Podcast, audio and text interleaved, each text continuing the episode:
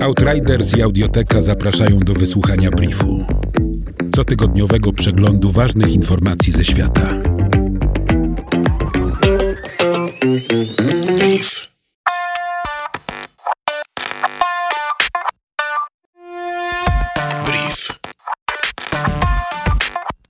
Serwis strumieniowy Spotify opatentował technologię, która na podstawie mowy użytkowników określa ich stan emocjonalny, płeć, wiek i akcent, dzięki czemu będzie mógł poznać ich nastrój i lepiej polecać im treści do słuchania. Patent polega na identyfikacji gustów na podstawie sygnału audio i wykorzystuje informacje o intonacji, akcencie, rytmie i podobnych cechach charakterystycznych sposobu mówienia.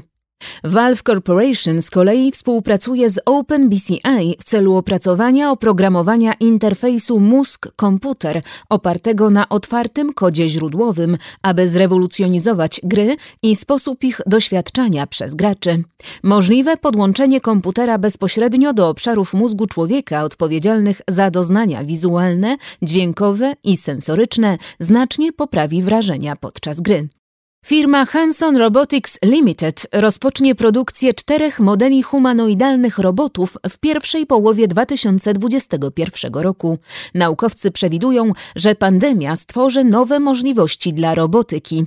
Jeden z robotów został opracowany dla sektora opieki zdrowotnej, pozostałe pojawią się w handlu detalicznym i liniach lotniczych. Według raportu Międzynarodowej Federacji Robotyki IFR w latach 2018-2019, czyli jeszcze przed pandemią COVID-19, światowa sprzedaż robotów do profesjonalnej obsługi wzrosła o 32%. Mobilne roboty dezynfekujące różnych firm działają m.in. w hotelach, centrach kongresowych, dworcach kolejowych i na statkach wycieczkowych, oczyszczając powietrze i powierzchnię wokół oraz zabijając nawet ponad 99% wirusów i bakterii. Brief. Mieszkańcy Libanu korzystają z pomocy finansowej Hezbollahu w związku z kryzysem gospodarczym w kraju. Libańczykom pomaga Al-Kart Al-Hassan Association, finansowe ramię Hezbollahu objęte amerykańskimi sankcjami. Można zaciągnąć tam niewielką, nieoprocentowaną pożyczkę w dolarach, która umożliwia opłacenie czesnego na studiach, przyjęcia ślubnego, zakup używanego samochodu lub otwarcie małej firmy. W stowarzyszeniu można otwierać również nieoprocentowane konta oszczędnościowe. Ponadto Hezbollah zapewnia swojej społeczności tanie szkoły i szpitale oraz rozprowadza paliwo opałowe wśród potrzebujących. Sklepik szkolny w Linda Tat High School w Teksasie oferuje za darmo artykuły spożywcze i gospodarstwa domowego uczniom, pracownikom i lokalnej społeczności. Uczniowie podczas charytatywnej pracy w sklepie zdobywają umiejętności zawodowe i udzielają wsparcia osobom potrzebującym w czasie pandemii. Odwiedzający sklep mieszkańcy otrzymują określoną liczbę punktów. Im większa rodzina, tym więcej punktów, dzięki czemu mogą kupić więcej towarów. Finansuje organizacja Texas Health Resources.